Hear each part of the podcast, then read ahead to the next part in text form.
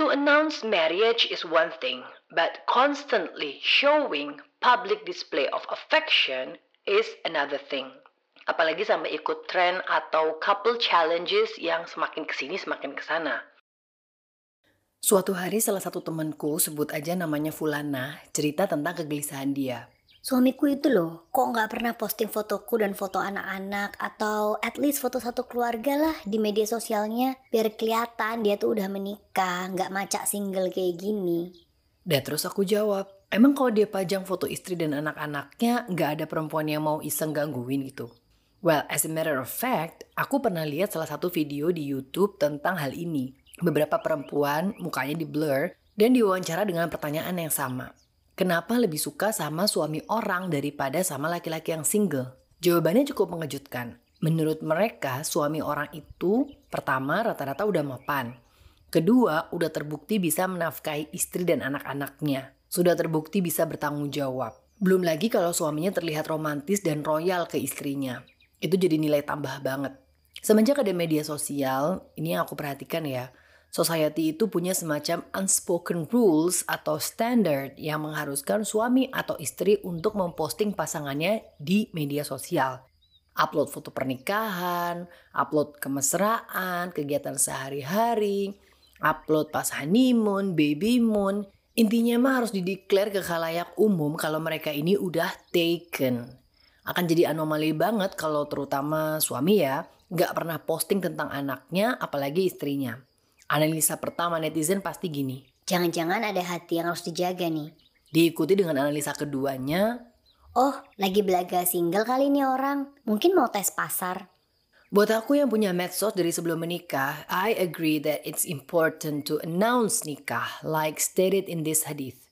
Dari Ahmad bin Abdullah bin Zubair radhiyallahu anha, Nabi Shallallahu alaihi wasallam bersabda, "Umumkanlah pernikahan." Dinilai Hasan oleh Syekh Albani dalam Irwa Al-Ghalil nomor 1993. Kalau untuk Instagram biasanya bisa dicantumkan di bio atau bisa juga uh, post digital wedding invitation dan di pin gitu misalnya ya.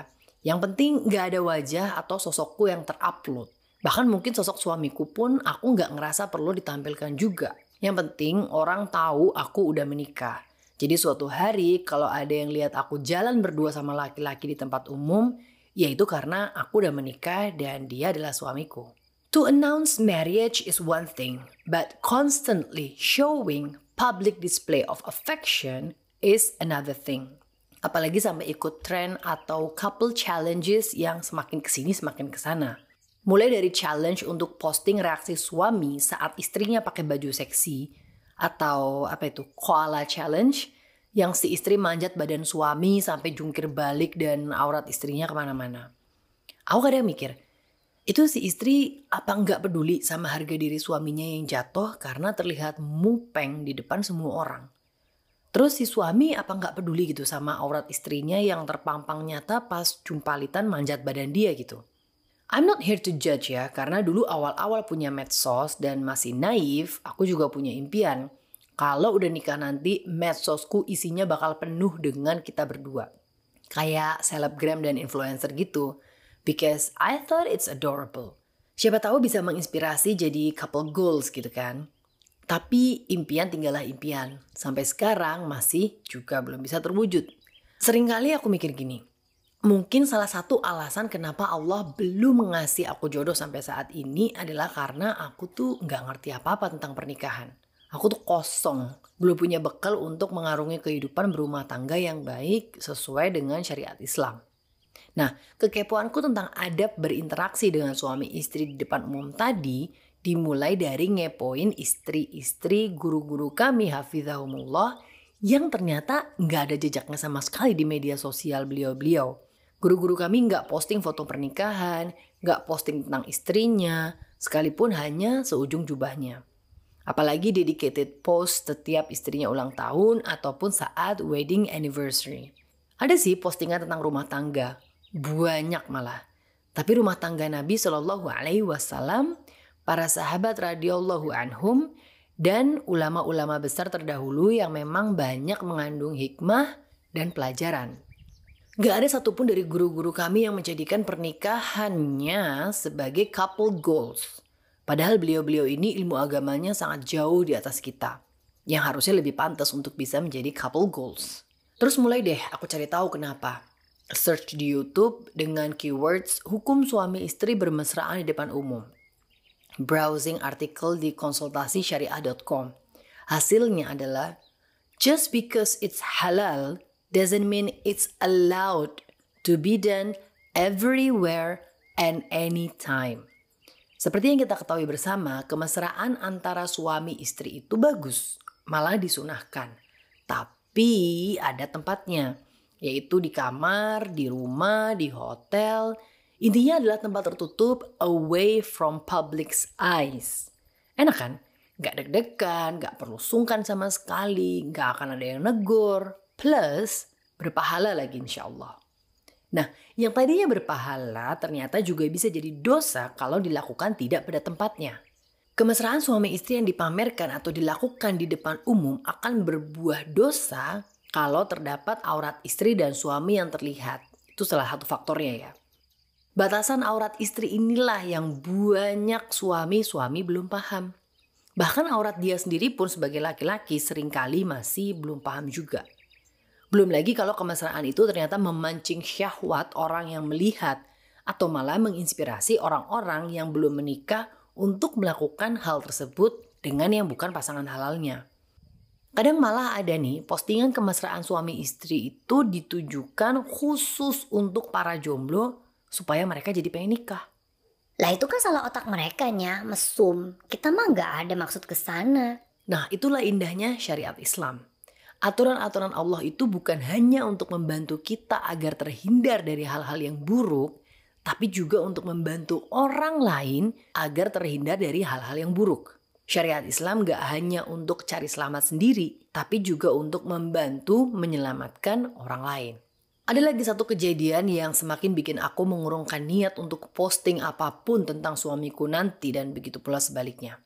Ada suami yang posting tentang kehebatan istrinya nih ya kerja di kantor, ia tetap bisa masak, tetap bisa ngurus anak, ngurus suami, pokoknya the best lah. Salah satu orang yang berkomentar di postingan itu ternyata adalah seorang suami juga. Dia bilang nih, Beruntung banget ya punya istri kayak gini. Udah cantik, pinter ini, itu, bla bla bla. Gak kayak istri saya. Udah lah gak kerja, bla bla bla. Ada lagi seorang istri yang posting tentang how sweet and romantic her husband is with all the flowers and candlelight dinner surprise. Terus isi komentarnya kebanyakan istri-istri yang iri dengan keromantisan si suami yang diposting dan mengeluh tentang bagaimana dinginnya suami mereka. It hits me hard. Aku mikir, sebelum lihat postingan si suami yang muji istrinya, bisa jadi si suami yang komen ini perasaannya biasa aja sama istrinya. I mean neutral. Dia mencoba memahami struggle istrinya yang full-time housewife dan mungkin saat itu dia bahkan bersyukur dengan semua yang ada dan yang belum ada pada diri istrinya. Tapi setelah lihat postingan si suami yang istrinya hampir perfect tadi, dia jadi nggak bersyukur sama istrinya yang di rumah. Dia jadi mikir, Padahal istriku tuh gak kerja loh. Tapi kok gak bisa get things down around the house ya? akhirnya jadi kufur nikmat. Sebelum lihat postingan si istri yang muji suaminya, bisa jadi si istri yang komen ini perasaannya biasa aja ke suaminya. Netral. Dia mencoba mensyukuri semua yang telah suaminya usahakan dengan sungguh-sungguh. Food on the table, roof over their head, and etc. Ya mungkin ada sedikit rasa pengen diromantisin lah, tapi itu semua nggak terlalu penting. Yang penting suami bertanggung jawab dan setia aja udah. Tapi setelah lihat postingan si istri yang suaminya so sweet dan romantis banget tadi, dia jadi nggak bersyukur sama suaminya. Dia jadi mikir, Padahal aku kan gak minta buket bunga dan candlelight dinner mahal ya. Disurprisein nama seblak aja udah seneng banget. akhirnya jadi kufur nikmat. Ini baru efek kufur nikmat yang kita timbulkan saat memamerkan kemesraan suami istri di depan umum ya. Belum lagi efek hasad yang tidak jarang menimbulkan ain. Ini butuh satu monolog lagi sih. Insya Allah minggu depan kita lanjut. Asli ini ngeri banget. Well, what I'm trying to say is, apa sih tujuan sebenar-benar-benarnya saat kita memposting kekompakan dan kemesraan suami istri di media sosial? Atau mempertontonkan itu semua di depan umum? Yang tahu cuma kita yang posting dan Allah. Kalau untuk berbagi kebahagiaan, aku rasa kebahagiaan itu nggak akan berkurang kan kalau nggak dibagikan. Buktinya orang-orang zaman dulu yang jangankan ciuman di depan umum nih, Gelendotan sama suami sendiri aja udah dianggap tabu karena melanggar norma sosial atau saru bahasa Jawanya. Tetap bahagia tuh mereka pernikahannya. They grew older together dan malah jauh dari konflik. Gak sedikit loh pasangan zaman sekarang yang sangat romantis, sweet, and whatnot di media sosial, ternyata malah pernikahannya penuh dengan konflik. Kalau untuk menginspirasi orang lain atau untuk jadi couple goals, aku rasa ilmu agama kita masih jauh deh ya dari guru-guru hafizahumullah, apalagi sama Rasulullah Shallallahu Alaihi Wasallam. Kenapa? Karena yang namanya couple goals itu goalsnya ya nggak hanya sekedar di dunia aja, tapi juga sampai di akhirat. Buat apa bahagia di dunia, tapi nggak bahagia di akhirat? Lagi pula sebagai umat Islam kita tuh udah punya loh couple goals yaitu Rasulullah Shallallahu Alaihi Wasallam dan istri-istri beliau. Goals apalagi yang jauh lebih indah daripada berkumpul kembali di surga Firdaus kelak coba. Kalau mau ikutan challenge, challenge lah diri sendiri untuk jadi suami yang terbaik pada istrinya sesuai dengan syariat. Bikin list hal-hal romantis yang Rasulullah Shallallahu Alaihi Wasallam lakukan ke istrinya. Seperti yang dijelaskan dalam sebuah hadis, Rasulullah Shallallahu Alaihi Wasallam bersabda, "Sebaik-baik kalian adalah yang terbaik bagi istrinya, dan aku adalah orang yang terbaik di antara kalian terhadap istriku." Hadis riwayat At-Tirmizi nomor 3895 dan hadis riwayat Ibnu Majah nomor 1977. Challenge-lah diri sendiri untuk jadi istri yang terbaik pada suaminya sesuai dengan syariat. Kalau kita ngerasa koala challenge yang jumpalitan manjat badan suami itu berat untuk dilakukan dan gak semua orang bisa melakukan, coba ikutan challenge dari hadis riwayat Imam Ahmad yang ini. Jika seorang wanita menunaikan sholat lima waktu, berpuasa di bulan Ramadan, menjaga kemaluannya dan menaati suaminya, niscaya akan dikatakan padanya, masuklah ke dalam surga dari pintu mana pun yang kau mau. Hadiahnya gak main-main loh bukan uang atau exposure atau followers atau bahkan gelar couple goals, tapi masuk surga dari pintu mana pun yang kita mau.